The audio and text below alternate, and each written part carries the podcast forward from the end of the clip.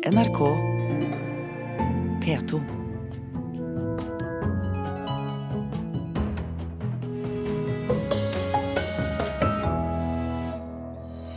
«700 000 hørselshemmede nordmenn har ikke god nok tilgang på kinofilm, mener Hørselshemmedes Landsforbund. Kutt en post i statsbudsjettet truer driften av Skibladner og rundt 250 andre historiske fartøy. Verdens eldste pianofabrikk, franske Pleyel, legger ned. Og en fransk film om kjærlighet vant Gullpalmen i Cannes. Nå kommer 'Blå er den varmeste fargen' til norske kinoer, og vår Amelie har sett den. Her i Kulturnytt i Nyhetsmorgen i NRK med Ugo Fermariello i studio. Nordmenn med hørselshemminger kan, skal også ha tilgang til film på kino, ifølge norsk lov. Men forskriften om teksting av norske filmer blir ikke overholdt, og den er heller ikke nok for å sikre kulturtilgangen, mener Hørselshemmedes Landsforbund. For mange betyr det at kinoopplevelsen ikke blir som planlagt. Det er ganske vanskelig å høre, fordi at noen ganger så er det litt sånn eh, hvisker litt, så, litt sånn Sier litt lavt og Ja, så er det litt vanskelig. For Amanda Wentworth er kriterier for hva som gjør en kinofilm til en favoritt, litt andre enn for mange andre niåringer. Eh, det er tekst, og det er gøy å se på filmer. Hun er en av 700 000 nordmenn med ei hørselshemming. Og siden 1.1.2012 skal alle kinofilmer med støtte fra Norsk Filminstitutt være teksta. Men ifølge generalsekretær i Hørselshemmedes Landsforbund, Anders Hegre, blir ikke alltid den forskrifta fulgt. Vi får henvendelser om at ikke alle eh, norske filmer er eh, tekstet.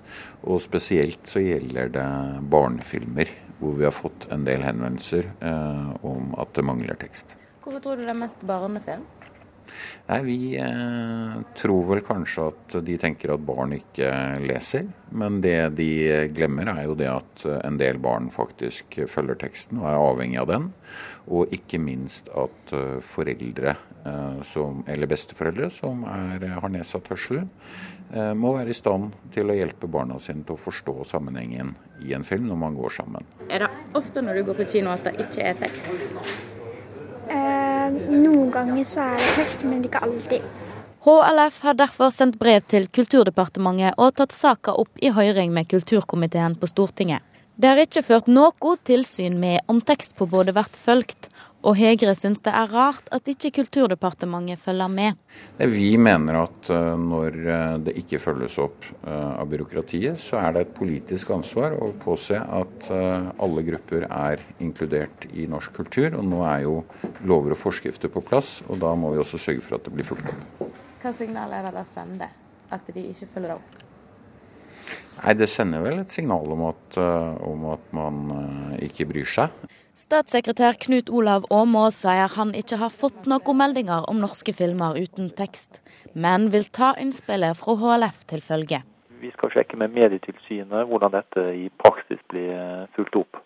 Samtidig er de filmene som er lovpålagte å være teksta, bare en liten del av det som blir vist på kino.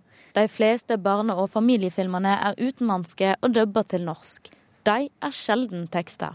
Og det er det heller ikke noe krav om at de skal være.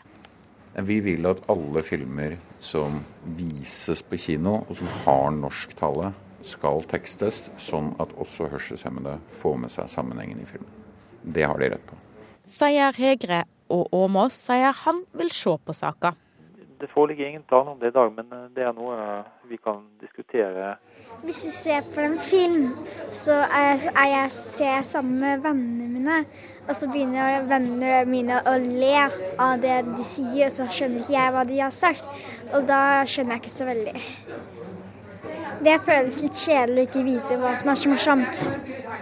Sa Amanda Wentworth, som hadde vært på kino med vår reporter Maria Pile Svåsand. Liv Arum, generalsekretær i Funksjonshemmedes Fellesorganisasjon. Hva synes du om at ikke alle norske filmer tekstes, selv om det nå er en forskrift for det? Jeg tenker at det er eh, helt uakseptabelt. At, uh, fordi det fører til at noen ekskluderes fra den opplevelsen det er å gå på kino. Jeg tenker at Dette er jo tilskuddsordninger fra den norske staten, og da burde det være ganske enkelt å sanksjonere når de som får tilskuddene, ikke gjør det som ligger i lov og forskrift. Har du en idé til hva Filminstituttet bør gjøre, slik du ser det? Jeg tenker at de burde kreve tilbakebetaling av tilskudd eller bøter. Altså Det må jo være en økonomisk sanksjon, i hvert fall, tror jeg, for å få aktørene til å gjøre det de er forplikta til da, i forhold til lov og forskrift. Så er det filmprodusenter som sier at tekstingen ødelegger bildet, og det er adgang for lukkede visninger uten teksting. Har du forståelse for at noen ønsker også å kunne vise filmene sine uten å ha på teksten? Ja, men det kan du jo gjøre hjemme på TV-en din. Da kan du jo på en måte velge bort. Eh, men jeg tenker for allmennheten eh, så er det et tilbud som skal gå til alle. Da er det ingen grupper som skal ekskluderes fra den eh, forestillingen. Hvis vi ser videre enn film og kino, er det vanskelig for personer med nedsatt funksjonsevne å bruke kulturtilbud i Norge? Det kan være en eh, ganske stor utfordring. Eh, og noen er jo ut fra sanser, manglende sanser, ekskludert. Men jeg tenker, altså rullestolsbrukere er jo det man oftest tenker på. Eh, og nyere kulturbygg er jo tilrettelagt. Men det er klart det finnes mange kronglete løsninger for rullestolsbrukere når de skal benytte ulike kulturtilbud, hvis du tenker teater og kino. Men grupper som har enda større utfordringer, er synshemmede. Uh, og det er en begivenhet på Nationaltheatret neste uke hvor de synstolker Hedda Gabler. Og det tenker jeg er et kvantesprang. Fordi det gjøres altså via en app som du kan bruke på smarttelefonen din. Og jeg tenker, i vår virkelighet hvor teknologien bare raser på, hvis det finnes løsninger der, og det gjør det, gjør det faktisk, eh, som ikke koster noe ekstra. Det inkluderer ikke noe ekstra dingser eller noe sånt. Det er rett og slett en app. Det er vi jo gode på å bruke i Norge. Eh, så er det jo det å utnytte teknologien som på en måte kan åpne kulturlivet, eh, også for grupper som i utgangspunktet er helt eh, avstengt fra det. Ja, for Hvor går den grensen hvis vi sier at alt kan ikke være for alle? For alle har ikke alle mulighetene. Så hvor går grensen for hvor mye og når de som lager noe, skal tilrettelegge? Ja. Um, nei, det er helt riktig, det. Uh, at uh, alt er ikke for alle. Og det er klart at det er begrensninger som vi må akseptere. Men i den grad det finnes teknologi som kan eh, åpne kulturelle opplevelser for mange grupper, som i dag ikke har eh, tilgang til det. Da tenker jeg at det er en utvikling som vi skal bejae og promotere i forhold til ja, innovative ordninger. Hvilke tilbakemeldinger får du fra medlemmer i organisasjonen under dere på hvordan det er i dag? Nei, nå hørte du at det er Hørselshemmedes Landsforbund som får eh, henvendelser fra sine brukere. I denne De, saken om teksting på film, ja. Ja, og, og Eh, som fellesorganisasjon så får vi oftest det som handler om eh, tilgjengelighet for rullestolbrukere og bevegelseshemmede. Eh, sånn at det er på en måte den fysiske tilgjengeligheten som blir vår utfordring. Takk skal du ha, Liv Arum, generalsekretær i Funksjonshemmedes fellesorganisasjon.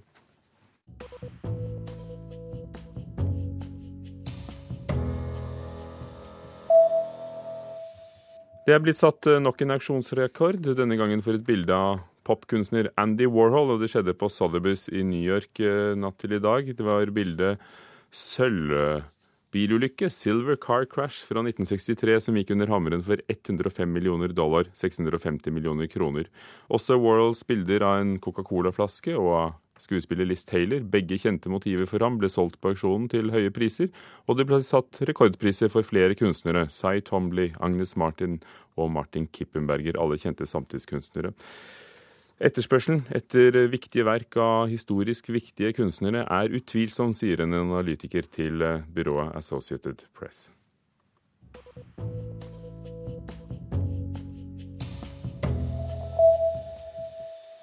For å spare 7 millioner kroner årlig er en ordning for refusjon av CO2 og elavgift for verneverdige fartøy fjernet fra statsbudsjettet. Forandringen vil også gå utover andre tekniske og industrielle kulturminner og museumsjernbaner. Denne refusjonen har betydd viktige penger i kassen, og mange fortviler, bl.a. om bord på verdens eldste hjuldamper i rutetrafikk, Skibladner.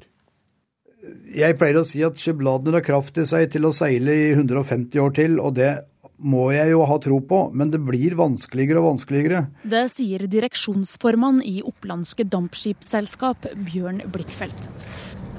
Sesongen for Skibladner er for lengst over. I Mjøskanten på Gjøvik ligger Mjøsas hvite svane og venter på en ny vår, med kun noen nysgjerrige stokkender som selskap. Hun aner ingenting om endringer av poster på statsbudsjettet, men Blikkfelt er en av dem som bekymrer seg på hennes vegne. Dette vil, hvis det blir gjennomført, bety at vi vil miste et sted mellom 250 og 300 000 kroner i årlig tilskudd til Skibladner, og det er veldig dramatisk. I mange år har norske verneverdige fartøy fått refundert CO2- og elavgift.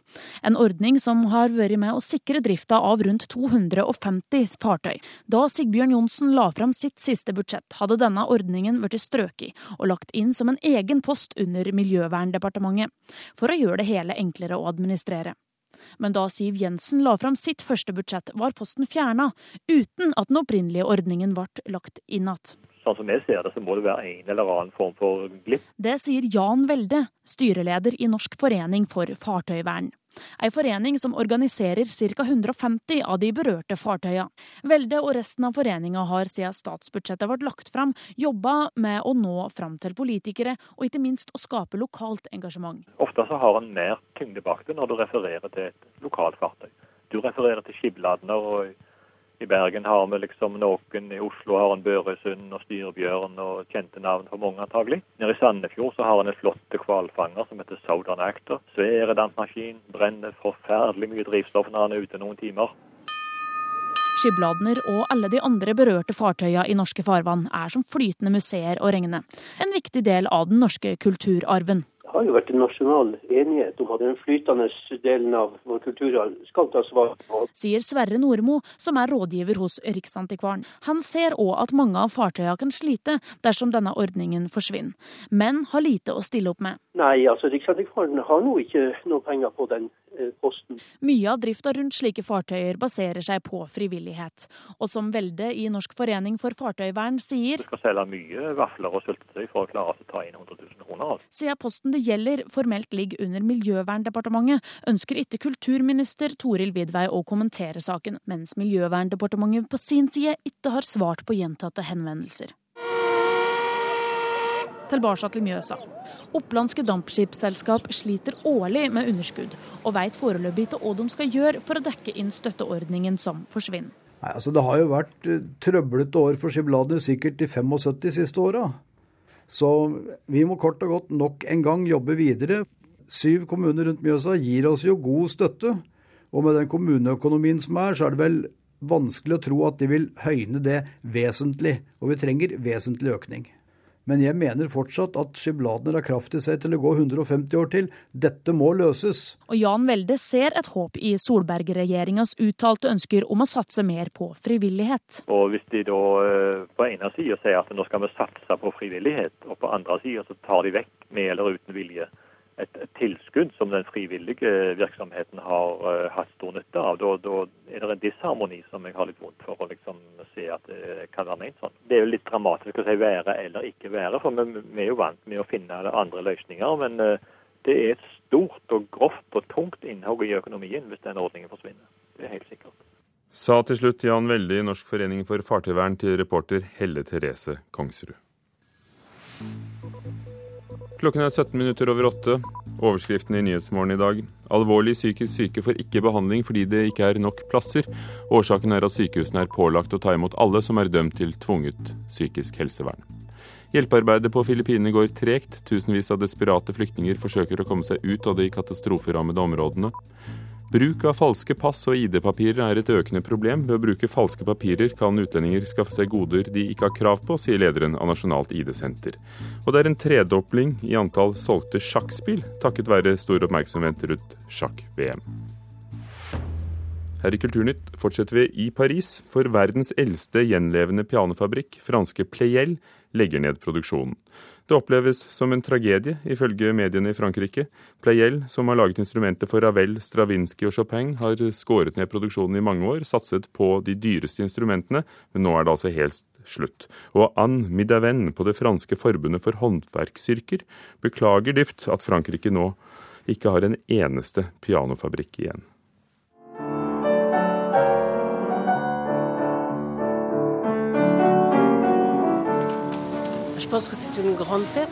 Det är en stor musikalisk förlust för Frankrike att Pleyel stoppar sin industriella pianotillverkning, den sista i landet.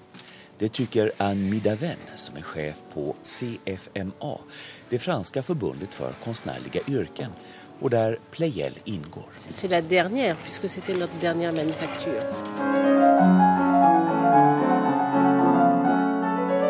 Nyheten om at verdens eldste kvarvarande pianotillverkare, Pleyel, stoppar sin pianoproduksjon i Frankrike oppleves som en stor tragedi i mange franske medier.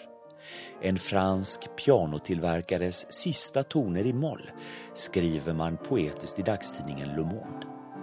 Ingen på Pleyel har dock villet uttale sig. Tillverkningen av pianon startades av kompositören Ignace Pleyel år 1807. Chopin, Liszt och Debussy har under seklernas lopp spelat på en Pleyel. År 2000 tillverkade företaget 1700 pianon om året. I år är den siffran nere i ett 20-tal.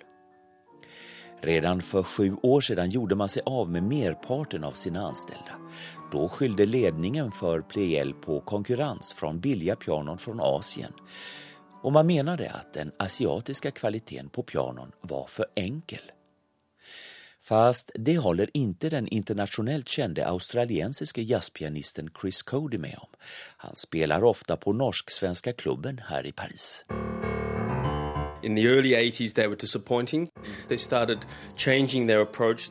Tills fram på 1980-talet höll många asiatiska pianomärken inte hög nivå. Men på senare tid har de utvecklats och kvaliteten har ökat, anser han. Givetvis föredrar Chris Cody en Steinway, men för min budget, säger han, ger ett asiatiskt piano numera ett gott ljud för en billig penning. For my budget I think you get a, a good uh, sound for your money. Chris Cody har ofta spelat på playel-pianon också. Då har det främst blivit musik av franska kompositörer som Satie och Debussy.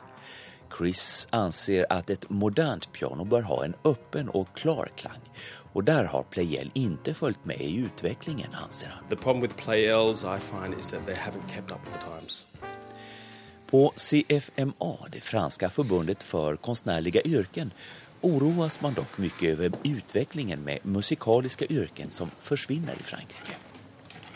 Finns det då ingen fransk musiktillverkare som går bra idag, undrar jag och får till svar att åtminstone inom orgeltillverkningen så är man än så länge sex stycken i Frankrike. Och vårt bästa argument i konkurrensen från Asien är de franska arbetarnas höga kvalitet, säger Anne Midaven. On n'a qu'une seule façon de résister aujourd'hui, qui est l'excellence.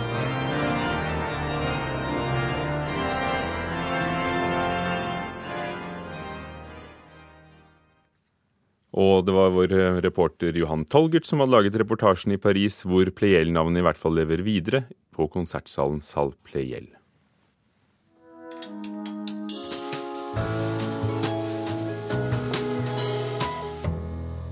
Årets gullpalmevinner, Blå er den varmeste fargen, er også nominert som beste film og for beste regi til de europeiske filmprisene. Vår anmelder ville helst gi priser til hun som har hovedrollen. Filmen er nemlig vakker og vond om kjærlighet mellom to jenter, helt uten sentimentalitet, ifølge Einar Gullvåg Staalesen. Il y a une, une, une gouinasse qui vient me chercher devant le lycée. Euh, elle n'est pas gouine, je sais pas. Ne dis pas qu'elle n'est pas gouine. Vas-y, ça se voit 300 km qu'elle est lesbienne. Adel Exarchopoulos er 20 år. Hun er en av de mest troverdige skuespillerne jeg har sett, uansett alder. Rollen er ekstremt kompleks og krevende. Stemningen er både halsbrekkende variert og mikroskopisk finstemt, og Adel Exarchopoulos er troverdig i alle nyanser. Hun er fransk, faren er gresk gitarist, moren er fransk sykepleier. Foreldrene sendte henne til skuespillertrening da hun var ni, i håp om at det kunne kurere hennes skyhet. Du må se det for å kunne tro det, men den skyheten har hun dypt inni seg i rollen også, som en kvalitet. Men jeg tror jeg har lu. Men d'ailleurs, je l'ai lu en fait. Ah ouais Ouais, mais pff, j'ai rien compris. Blå er den varmeste fargen er en vakker kjærlighetsfilm med varmt menneskesyn uten sentimentalitet. Seksualiteten virker ekte. Den er intens og gledesfylt og dypt alvorlig. Filmen er alvorlig. Den er den første av et antall nye filmer om og med homoseksuell kjærlighet, som behandler stoffet og hendelsene direkte og nakent, uten lommerhet. Og dessuten uten propagandistisk høysang. Den neste av de filmene kommer på kino neste uke. Den er fransk, den også. Fremmed ved sjøen heter den, og den forteller om menn sammen med menn. Flere av de nye filmene med homotema er franske. Det er en tid for homofilm. Her igjen denne ukens premiere. Blå er den varmeste fargen.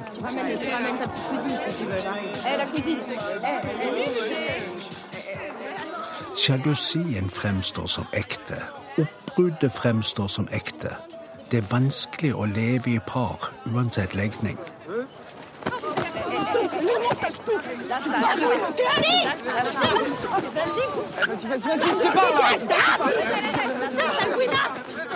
Vi er tett på alt. Filmen er både utleverende og inkluderende. Den er ikke vanskelig tilgjengelig, men den går noen dalstrøk bortenfor hovedstrømmen, og den er lang for å kunne fange opp alle de strømningene som må være der for at vi skal forstå og se effekten i toppene og de dype bunnene. Filmen krever noe av oss. Det er en av dens kvaliteter. Når vi er åpne, får vi mye igjen. Mais vous lui parlez pas, vous l'agressez vous-même avec vos paroles. Elle a quelque chose, elle a quelque Elle vous a agressé physiquement, mais vous, verbalement, tu vois. Comment vous lui demandé Non, vous lui pas demandé. Fra blå er den varmeste fargen som Einar Gullvåg Staalesen hadde sett. Jeg minner om Mørkets opplevelser. Torsdager klokken 19 i P2 får du en full oversikt over ukens premierefilmer. Nok en skandale rammer Bolsjoj-balletten i Moskva. Den amerikanske danseren Joy Womack sier hun ble bedt om å betale 10 000 dollar, 60 000 kroner, i bestikkelser for å få danse et solonummer. Avsløringer om bestikkelser og maktspill ved kompaniet er kommet som perle på en snor under rettssaken mot en danser som kastet syre på ballettsjefen tidligere i år. Stadig flere handler på nett. En undersøkelse gjort av hovedorganisasjonen Virke viser at nordmenn kommer til å handle over internett for 3,4 milliarder kroner bare i desember. Dermed øker netthandelen på bekostning av butikksalget, fastslår kommunikasjonssjef Øystein Ingdal i Virke. Det er en helt eh, klar tendens. Og ikke bare julegavehandlinga, men kanskje mm, gjennom hele året så ser vi at netthandelen eh, har økt vesentlig mer enn handelen i butikk. Og eh, det kommer nok også til å forsterke seg gjennom, gjennom julehandelen. Og handel med sjakkspill har i hvert fall økt. Antall solgte sjakkspill er tredoblet sammenlignet med på samme tid i fjor hos en av de store bokhandelkjedene. Skal vi tro bokhandlere, er sjakkinteressen på et toppnivå, nå som Magnus Carlsen slåss om VM-tittelen i Chennai i India.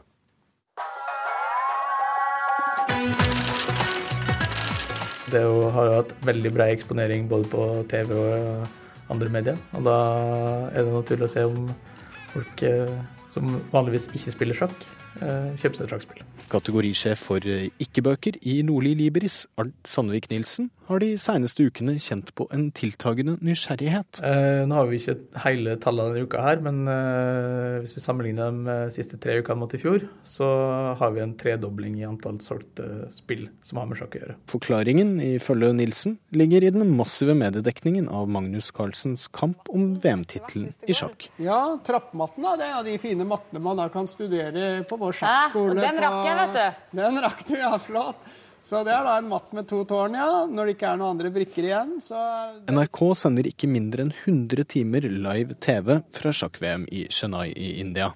Ifølge sportssjef Rune Haug er oppslutningen stor, om så vel TV-sendinger som nettsaker. Den første helga så var det over én million nordmenn som var innom sjakksendingene til NRK.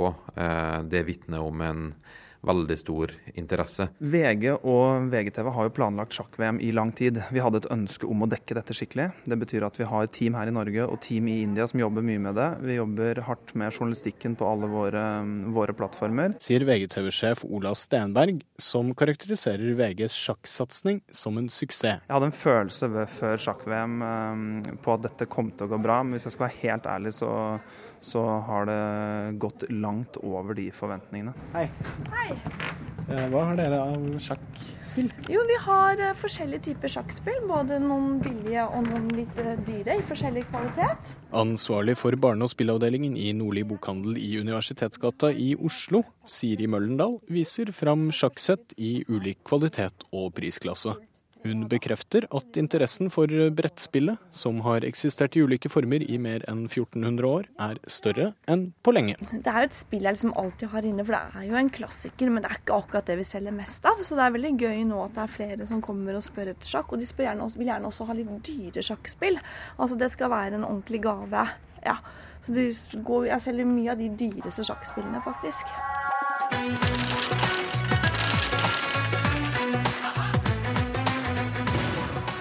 Sportssjef Rune Haug er spent på om sjakkinteressen vil holde seg helt fram til jul. Det blir jo spennende å se nå når folk skal kjøpe julegaver, om det er mange sjakkbrett som ligger rundt omkring juletreet. Og så kan jeg jo sjøl innrømme at eh, sist helg så lasta jeg ned min aller første sjakk-app på mobiltelefonen.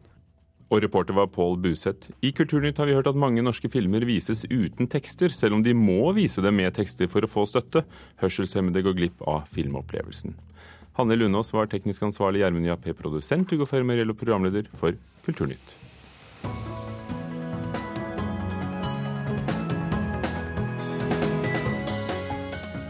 Hør flere podkaster på nrk.no podkast.